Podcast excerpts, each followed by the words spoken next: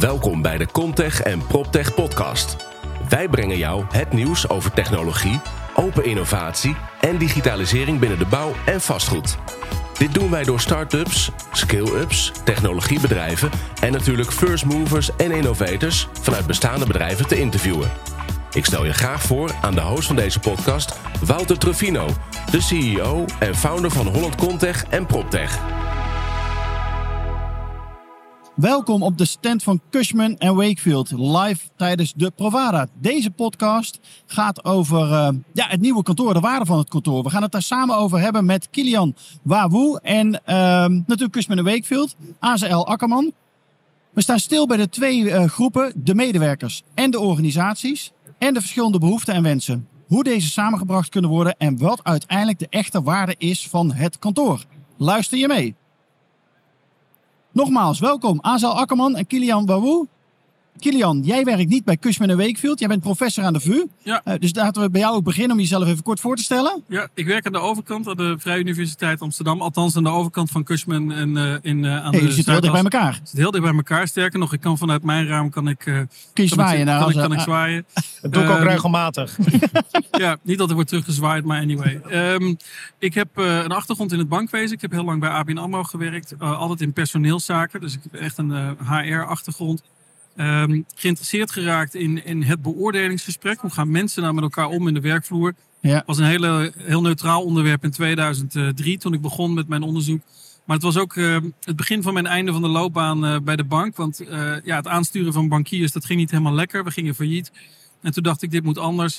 Ik ben toen gepromoveerd in 2010 op een onderwerp wat te maken had met het aansturen van bankiers. Um, en eigenlijk al de afgelopen jaren bezig geweest onderzoek te doen naar mensen op de werkvloer. En anderhalf jaar geleden, toen kwam ik thuis te zitten tijdens de lockdown. En toen dacht ik, nu ga ik onderzoek doen naar thuiswerken. En daar gaan we denk ik vandaag over hebben. Ja. Maar de achtergrond is dus altijd HR geweest. En altijd geïnteresseerd in hoe stuur je nou mensen op de juiste manier aan. Nou, dat komt al heel dicht bij elkaar. Zeker. Natuurlijk. Ja. Zeker. Ik zag de voorbereiding op, uh, op deze podcast ook uh, een YouTube-presentatie over inderdaad het presteren van medewerkers. Waanzinnig hoe je dat presenteert trouwens. Dankjewel. Wat is het maximale bedrag wat je ooit hebt ontvangen voor een kopje thee? Uh, nou, wat ik heb uitbetaald aan mijn studenten was denk ik wel 100 euro. Echt waar? Nee, nee, 50. 50. En die heb ik ook zelf moeten betalen, want de VU uh, die uh, Die gaat niet mee in het grapje. Maar wat ik wil laten zien in mijn experimenten bij studenten is dat als ik ze uh, gedrag wil laten vertonen, bijvoorbeeld ga voor mij thee halen, zelfs als je daar geen zin in hebt, dan is het een kwestie van prijs. Dus ik kan jou je gedrag veranderen als ik belonen en straffen maar hoog genoeg maak. Um, Alleen, ja, dat, bij, bij wat meer complexe taken op het werk, ja, werkt dat niet. Maar goed, ik wil dus aantonen, Ja. want even voor de kijkers, voor de luisteraars, wat is het nou voor een raar verhaal? Uh, ik probeer altijd mensen hun gedrag te veranderen en te laten zien dat met belonen en straffen je simpel gedrag precies kan krijgen zoals je dat wil. Ja, dat is wel heel bijzonder. Tweede uh, gast in deze podcast is van Cushman en Wakefield natuurlijk, Azel Akkerman. Azel, Hi. welkom. Ja, dank je. Um, nou ja, werkzaam bij Cushman Wakefield. Ben uh, verantwoordelijk voor de activiteit Workplace Strategy in Nederland. En uh, waar Kilian een HR-achtergrond heeft, uh, is mijn achtergrond in facilitair management. En dat gaat veel meer over mogelijk maken en het verbinden van mensen. En vanuit FM heb ik een interesse ontwikkeld voor hoe werk plaatsvindt op de werkvloer en hoe je dat het beste kan faciliteren. Ja. En uiteindelijk in, in Workplace Strategy gegroeid en nu heel blij in de huidige rol. Ja, want dit is wel het waar het nu over gaat, toch? Nou ja, het is een heel mooi vraagstuk en een heel mooi tijdperk waar we in zitten. Waar uh, heel veel organisaties vraagstukken hebben rondom uh, werk en hoe je werk kan organiseren, hoe je werk kan faciliteren. En thuiswerken is daar een, uh, is daar een, een mooie een factor in die, die voor heel, organisa veel, veel organisaties nog in het ongewisse ligt van hoe ze daar inrichting aan moeten geven. Hoe gaan we dat doen? Ja, precies. Ja. Hey Kilian, jij hebt verschillende onderzoeken gedaan, zei je, over uh, nou, tijdens die pandemie. Wat is de conclusie tot nu toe? Gaan we terug of niet terug naar kantoor? Of, uh, en hoeveel dagen dan? Ja, wat, wat mij opviel is dat heel veel mensen stellen de vraag... hoeveel dagen in de week moet je nou naar kantoor na corona? Nou, ten eerste kun je afvragen, is er een na corona? Maar goed, we begrijpen allemaal wat we bedoelen. Als we weer naar kantoor kunnen, hoe vaak moeten we dat dan doen? En volgens mij is die vraag fout. Um, het gaat er namelijk niet zozeer om hoeveel dagen we op kantoor zijn... maar wat, wat doen we daar nou eigenlijk? En ik vertelde net uh, dat ik hiervoor al onderzoek deed naar, naar samenwerken. En dat die samenwerking eigenlijk al eh, te wensen overliet voor corona. Dus mensen zitten naast elkaar met een noise cancelling headset op, communiceren niet met elkaar. Ja, wat heeft, wat heeft het dan voor zin om op kantoor te zitten? En als ik een heel lang verhaal heel kort maak, gaat het er dus veel meer om wat doen we nou eigenlijk op kantoor? Hoe zorgen we dat we iets aan elkaar hebben? Dat dat vele malen belangrijker is dan het aantal uren dat je doorbrengt op kantoor. Dus het is een kwaliteitsvraag en niet alleen een kwantiteitsvraag. En vanuit HR-perspectief, of is dit ook vanuit HR-perspectief, zeg maar? Ja, Ja. Dus, van- en wat mij opviel, en dat is even de conclusie van het onderzoek. Ik heb aan heel veel mensen gevraagd, hoe is dat thuiswerken nou? Nou, wat blijkt, heel veel mensen zijn verschillend in hoe ze het beleven. Nou, wij zitten hier met z'n drieën. Misschien vond jij het, vond jij het fijn thuiswerken? Nee, ik ben ook niet thuis geweest, want eh, het was niet te doen met de kinderen thuis. Nee, oké. Dus Hoe oud zijn jouw kinderen? 7 en 11. Dus die hebben. Ja, die van mij zijn vijf. Ik heb een tweeling. Ik werd, kne, ik werd knettergek Ja, thuis. ja. Dus- Ja. is niet Nou, te doen, want die zitten op de lagere school. En die lagere school die ging niet door, dus die waren thuis. Maar je moest ze wel helpen met hun dagelijkse dag doornemen. Nou, Ja. dat was onmogelijk. En die van mij die waren 11 en, eh, en 15. En ik vond het eigenlijk wel prettig. En ehm, het blijkt ook dat, eh, maar zo te horen, hebben wij allemaal een eigen huis. Met misschien ook enige ruimte waar je kan werken. Kijk om me heen Ja. voor de Ja. luisteraars. Iedereen zit hier heel eh, driftig te knikken. Maar ik heb ook mensen gesproken, eh, 22 tot eh, 28. Ja, ik hoef mensen in de vastgoed niet te vertellen. Een eigen huis zit er niet in voor de generatie die nu afstudeert. Die werden knettergek. Dus zowel qua behuizing. Ik heb Ja. mensen gesproken die op de wc calls moesten doen. Mensen die in de kast zaten, eh, als in letterlijk in de kast. Oh man. Ook- ja, nee, serieus. Ja. Om, omdat het de enige plek was voor rust. Mensen die geen goede wifi hadden. En mensen die gewoon de kennis missen. Nou, individuen verschillen enorm in hoe ze thuiswerken beleven. Nou, dit onderzoek gaat er nog in als koek. Maar de conclusie is dan dus niet... iedereen mag het dadelijk zelf weten. Want jullie twee komen naar kantoor en ik ben er niet. Want ik heb het zo lekker thuis. Ja, dan, Hoe gaan we dan met elkaar samenwerken? Precies, wat is dan ons, nog ons Ja. teamgevoel? Dus Ja, ik, ik kan er wel op inspelen. Want ik bedoel, we hebben hier een hele mooie dobbelsteen staan. En dan kun- die kunnen CEO's kunnen ze gooi- kunnen gooien. En op basis van de uitkomst van de dobbelsteen kunnen ze dan bepalen hoeveel dagen hun medewerkers terug naar kantoor moeten. En dat is natuurlijk een grap. Maar Ja. eh, in onze trajecten die we doen met onze klanten, komen ook heel vaak, eh, kom ik heel vaak tegen dat CEO's niet zijn voorbereid op, eh, het, het antwo- op, op een antwoord verschaffen op die vraag. Nee, want dan komt het antwoord, er komt 6 uit. Nou ja, eh, Bijvoorbeeld. Nee, maar Hoe heel veel- heel CEO's zijn gewoon niet voorbereid op de vraag. En ook ehm, hoe zit hun waardeketen in elkaar? Hoe zit hun eh, proces van waardeontwikkeling in elkaar? Ja. En wat van die waardefacilitering moet je dan op, op kantoor laten, of wat van die waardecreatie moet je dan op kantoor laten plaatsvinden? Die vraag, daar weten veel eh, bestuurders gewoon hebben geen antwoord op.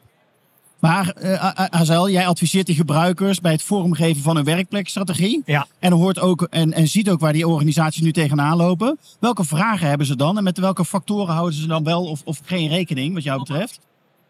Want ze Ja, weten het niet, maar welke vraag stellen ze dan aan jou? Ja, dat gaat nog heel vaak over wat voor activiteiten worden er uitgevoerd en hoe kunnen we die activiteiten het best laten plaatsvinden. Maar om daar een goed antwoord op te geven, moet je weten wat, wat doe je als, wat doet mijn workforce? En wat van die activiteiten is individueel en wat is samenwerking? Welk deel daarvan is samenwerking? En wat deel wil je faciliteren op kantoor? Dus hoe en, en wanneer? Want door het alleen aan de medewerkers over te laten, en daar kan Kilian heel mooi op inspringen, dan eh, is er ehm, een grote waarschijnlijkheid dat veel medewerkers elkaar gewoon niet meer spreken. Ja, mag ik een, eh, mag Ja. een quizvraag stellen? graag. Ja, vind je het leuk? Nou, Quizvraag? ja? ja. Ja. Stel je hebt een team met zes medewerkers. En ieder teamlid kan bepalen of die op een dag wel of niet naar kantoor gaat. Precies het punt wat jij nu noemt. Hè? Dus eh, we zitten hier met z'n drieën. Jij gaat op maandag of je gaat wel of niet. Dinsdag ga je of wel of niet. Voor jou geldt hetzelfde, voor mij ook. Ik heb een team met zes mensen. Hoeveel combinaties denken jullie dat er mogelijk zijn? Of mensen dus op dat moment dus thuiswerken of niet? Zo. Nou, is dat eh 6 keer 6, 36? Nee, keer vijf. Zou ik zeggen. Zes keer zes keer vijf. Ja. Ik, eh, ik, wil, eh, ja, Ik nou, hoop dat de luisteraar ook in zijn auto eh, nu even zit na te denken van... hé, wat is het antwoord? Ja, dus we hebben zes mensen. Die kunnen. Dus nou, als het, als het één persoon is, dan is het eh eh, 2 tot de macht 5. Dat is 36. Dus je kunt namelijk op maandag wel of niet, dinsdag wel of niet. Maar je kunt maandag wel, dinsdag wel. Of alle twee wel, of alle Ja, twee niet. Het zijn al vier mogelijkheden. Dus Ja. dat is 2 tot de macht 2. Als je dus vijf dagen hebt, heb je dus 2 tot de macht 5 is 32. Maar als je dat met zes mensen doet, heb je 1 miljard mogelijkheden. Nee joh, Niet waar. 1 miljard. 1 miljard. Dus je hebt een team van zes man. En Ja, op het moment dus dat die, meer bij elkaar. Nee, ja, ja, van die 6 miljard is het dus eh, eh, één optie dat ze er dus allemaal zijn. Ja, Moet er wel even copyrighten, Kilian, want ik ga deze natuurlijk van je jatten. Ja, maar, maar reken maar eens mee. Maar dit, dit is helemaal tegen je intuïtie in. Ongelooflijk. Dat je dus met een klein groepje mensen van zes zoveel eh, eh, combinaties mogelijk zijn. Terwijl, waar is de visie? En dat denk ik wat, wat jij bedoelt, eh als hij van, van als mensen gewoon naar kantoor gaan op het moment dat ze dat zelf prettig vinden. Dan komt Ja, het niet dan goed. is het dus maar een kans van één op een. is natuurlijk statistisch. Statistisch, en, en, ja. en uiteindelijk gaat, zit er een gedachte achter. Maar gewoon om aan te geven. En dat is maar met een team van zes man. Moet je nagaan als je 200 man hebt werken. Ja, die, de- dus, nou, en normaal gaat dat enigszins organisch. Maar je moet dus, en ik denk ook dat is ook denk ik, wat Azel doet en wat ik onderzoek. Dus je moet dus een visie op, op gaan hebben hoe dat er dan uit moet zien. Want als je het maar aan de mensen zelf overlaat. Ja, dan, want dat eh, komt ook terug in jullie whitepaper ASL. Daar staat ook in van eh, als je nog geen visie hebt dan, eh, over die toekomstige manier van werken, dan is het een belangrijke drijfveer van, van medewerkers om zelfs een andere baan te gaan zoeken. Nou ja, belangrijke Dus mensen drijfveer. vinden het wel belangrijk. Ja, tuurlijk. En, en samenwerken, dat, het woordje samen zit er al in. Hè? En samenwerken is ook, we zijn we sociaal dier, we moeten samen zijn. Dus we moeten ook samen op kantoor komen om waarde te ontwikkelen. En als bedrijf moet je een, een visie ontwikkelen over hoe, je, hoe, nou, hoe dat samen zijn moet, moet worden georganiseerd. Hoe je dat gaat faciliteren. Ja, Stel een andere precies. vraag. Ja, nee, ja, zeker. En in die whitepaper komt ook nog een onderzoek naar voren. Ehm, dat is een onderzoek van mei 2021. Onder 1000 medewerkers eh, in de VS. Dat 39% van de respondenten aangaf dat als zij flexibel thuiswerken niet was toegestaan, dat ze zelfs ook ontslag nemen. Herken je dit? Ja, zeker. Dus we zijn allemaal op zoek nu naar het nieuwe normaal. Of het nieuwe, het, nieuwe, het goede normaal. Geef het allemaal een mooie naam. Ja, en Aan de is ene dat? kant zoeken we dus flexibiliteit. En aan de andere kant willen we ook wel iets van een teamgevoel hebben. Ja. Ehm, en ik heb het in, in mijn eigen onderzoek zo beschreven van. eh, Dat is een, een, een- is een retorische quizvraag. Deze hoef je niet te beantwoorden. Maar hoe, hoe vaak moet je je eigen partner per week zien om te spreken van een goede relatie? Dat is een hele, Oh. dat is een hele rare. Nee, maar iedereen zal meteen zeggen: wat is dat nou voor een domme vraag? Het is veel belangrijker wat je met elkaar hebt. En als je samen bent, wat je, wat je, Wat je dan doet. Wat je dan doet. Ja, als je alle twee je eigen Netflix-serie zit te kijken, kun je vijf dagen in de week doen of zeven. Maar dan heb je niet echt een hele leuke relatie. Maar zit je wel naast elkaar op de bank? Dus ja, Ja. maar te vegeteren. Ja. Kortom, dat noem je dan quality time in een gewone relatie. En ik denk dat we daar op kantoor ook naartoe moeten. Dus Ja. eh, eigenlijk is mijn conclusie, als je er dan bent, zorg dan dat er iets gebeurt wat het de moeite waard maakt. Ja. Elkaar ontmoeten, elkaar spreken, uitdagen, et cetera. En als ik het whitepaper lees van, eh eh, van Cushman, dan zie ik eigenlijk een beetje dezelfde conclusie. Mensen zoeken aan de ene kant dus verbinding en ze zoeken flexibiliteit. En nou ja, het optimum tussen die twee is volgens mij, als je er bent, doe het dan goed. Ja, en hoe ziet dat er dan uit, ASL, als we die medewerkers in die organisatie bij elkaar brengen? Dat is die total workforce, of workplace. Mhm. Eh, hoe ziet die total workplace er dan uit? Ja, eigenlijk moet je niet praten over total workplace, maar over total work. En dat brengt ook een beetje beelden terug van, eh van Michels hè, met total, totaalvoetbal. En als ik, ik, ik denk daarover na in termen van een soort demand- en supply relatie. Waarbij je aan de ene kant goed moet kijken naar de organisatorische context. En dus wat ben je als bedrijf, wat wil je veroorzaken? En aan de andere kijk, naar, kant naar de wensen van de medewerkers als individu.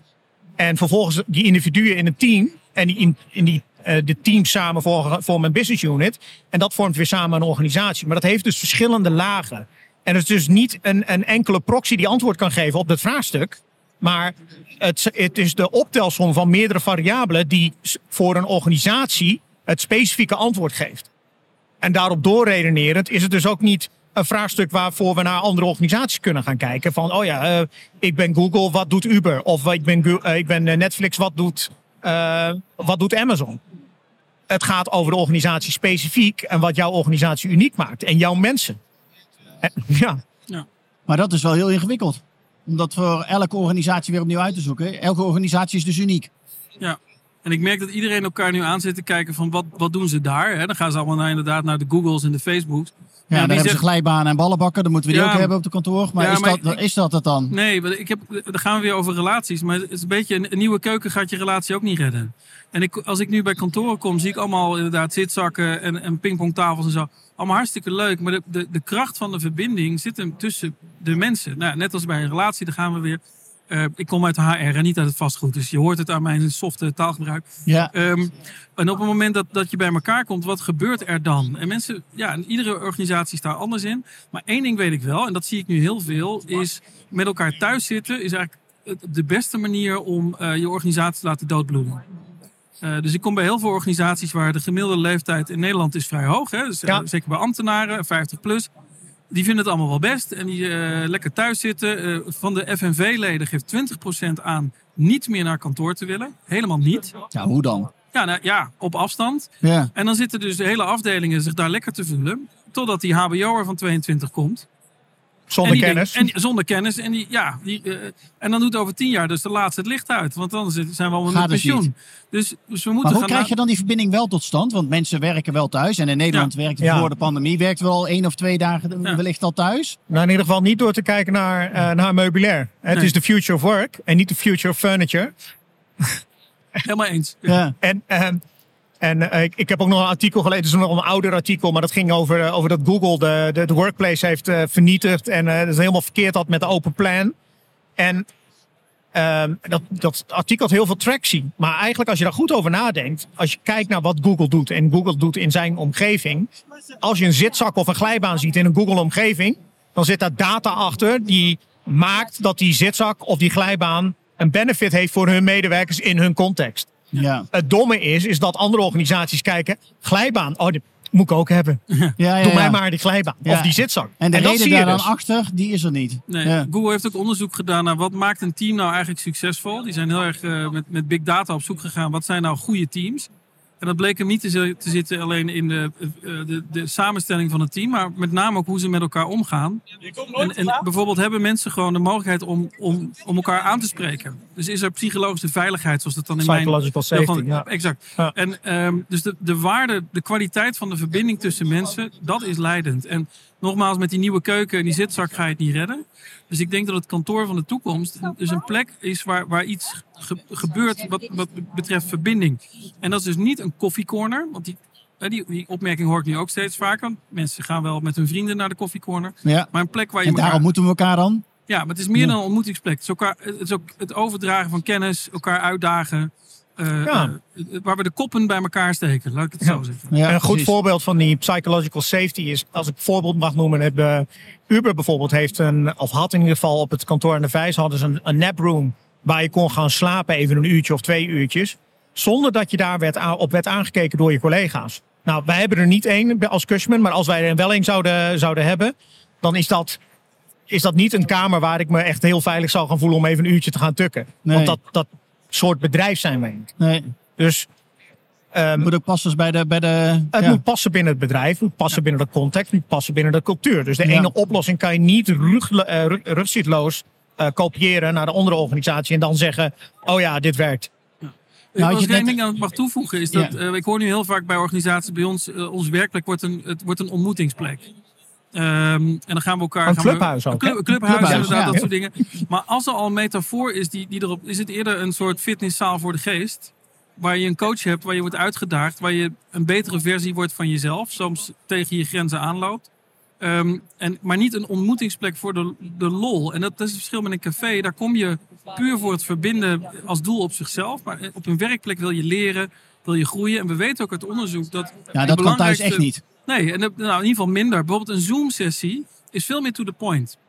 Nou, er zijn mensen die dat heel prettig vinden. Maar to the point zijn is ook het ontnemen van een leerervaring voor die 22-jarige HBO'er. Die wel je toekomst is. Ja, ik hoor ook al bedrijven die zeggen van nou die teamsmeetings die we eh, deden in de pandemie omdat we echt Ja. verplicht thuis moesten werken, die gaan we straks ook niet doen eh, dat één iemand eh, thuis in die teamschool zit en de rest op kantoor. Nee. we komen gewoon met z'n allen naar kantoor om Ja. dan ziek ook dat leermoment Ja. met elkaar te creëren. Ja, Hoe- of teams, of juist niet. Maar Ja, of juist niet. Als je het doet, doe het dan goed. Dat is eigenlijk ook mijn, mijn conclusie. Dus of doe doe iets helemaal online. Nou, prima. Even kennis uitwisselen.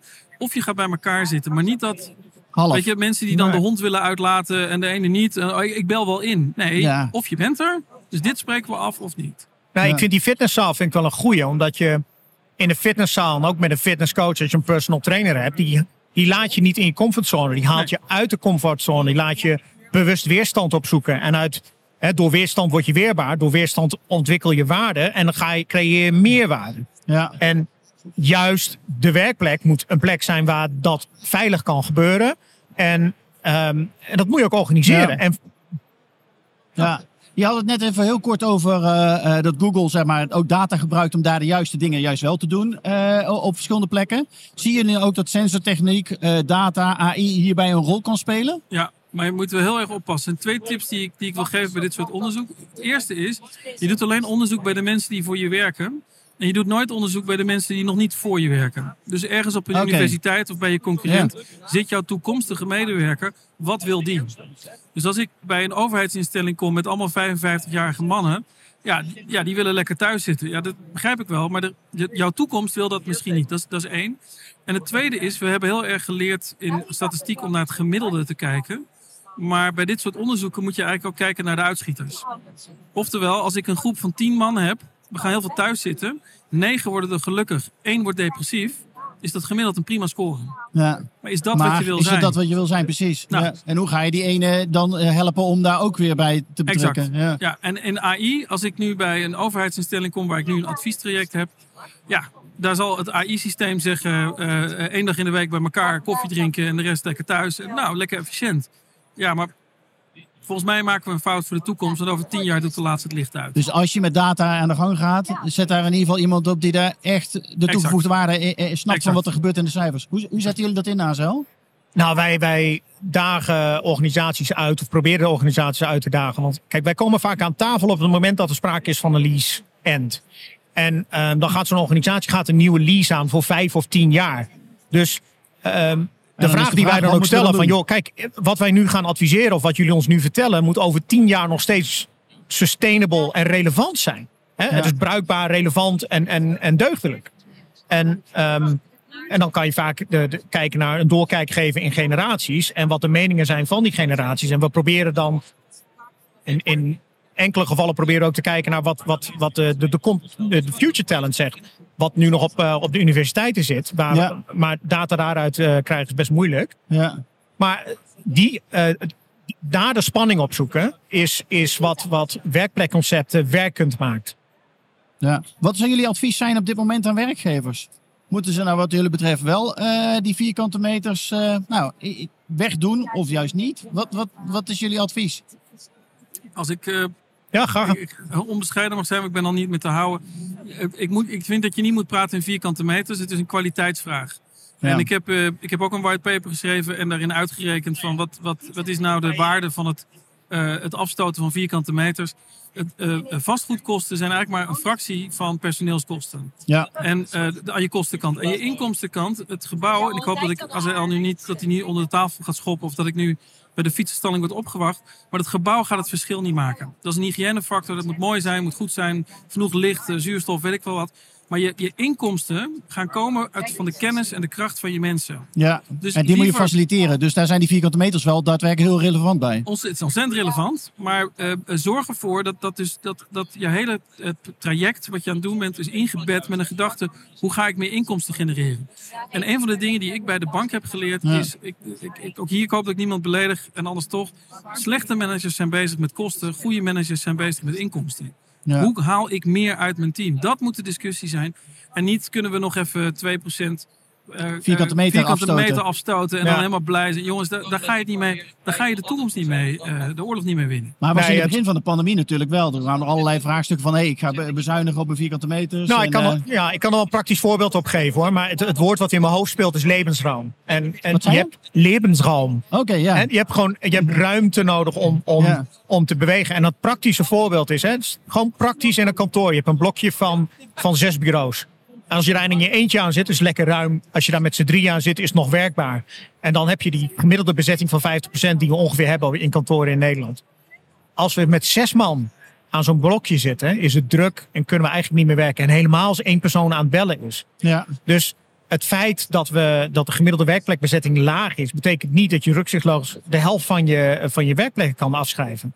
Het gaat om kwaliteit. ja, wat doe je daar?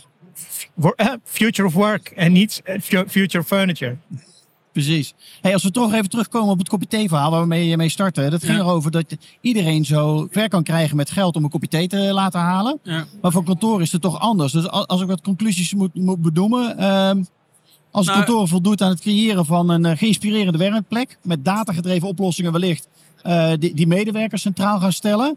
dan komt het wel goed met de waarde van het kantoor. Niet, niet helemaal. Nee. Omdat, eh, eh, ik, ik, dit soort trajecten beginnen ook met een visie. Hè? Ik, ik heb net met mijn voorbeeldje laten zien. Als je het aan mensen Ja. zelf overlaat, heb je dus een miljard mogelijkheden met zes man al.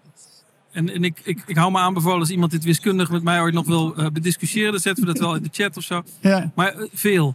Eh, dus je zult een visie moeten hebben op wie zijn we en wat willen we zijn. Ehm, en niet alleen de mensen nu, maar hoe, hoe ziet mijn toekomst eruit? Nou, arbeidsmarkt op dit moment zwaar overspannen. Mensen willen ergens bij horen. Dus je moet een visie hebben. En als mensen zeggen van joh, maar ik, ik krijg dus nu ook de vraag, hè, want ik wil in Tenerife gaan wonen en in Nederland werken. Die, die vraag krijg ik nu. Kan dat? Ja, als je dat wil, moet je ZZP'er worden. ja, Maar als je onderdeel bent van onze groep, dan, dan, dan moet je er zijn. dan hoor je hier gewoon te Hoor je zijn. hier. Dan moet je willen zijn. Het, het willen Ja. zijn. En als het AI-systeem zegt, dat komt dan uit op drie dagen in de week. Maar eh, eh, ja, eh, dat is... Eerst En bij ons je, ziet de kantooromgeving hier er zo uit. En als dat past bij jou, dan ben jij de geschikte vent om hier te zijn. Of dame. Ja. Exact. Ja. Laten we daar eens mee beginnen van wie wil je zijn. En dat is op zich de strategische vraag. Want nou ja, vastgoed is denk ik in die zin nu ook een strategisch vraagstuk geworden.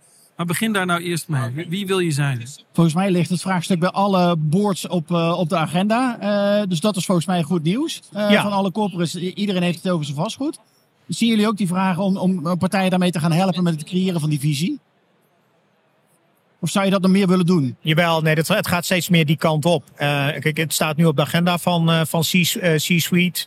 En we hebben in toenemende mate steeds meer die gesprekken. Aan de andere kant zie je ook dat de mythes die we hadden rondom werk, dat daar een deel van gewoon debunked is. Dat, dat, dat thuiswerken een prima optie is voor, in ieder geval in een crisissituatie is gebleken dat dat een goede optie is.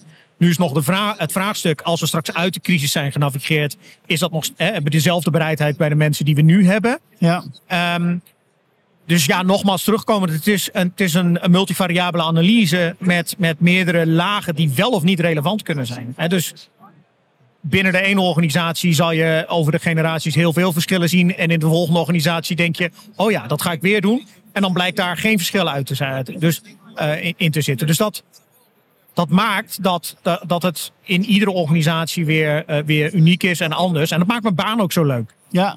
Alles is uniek. Vastgoed is uniek. En alles wat er in, het vastgoed gebeurt is nog misschien wel unieker.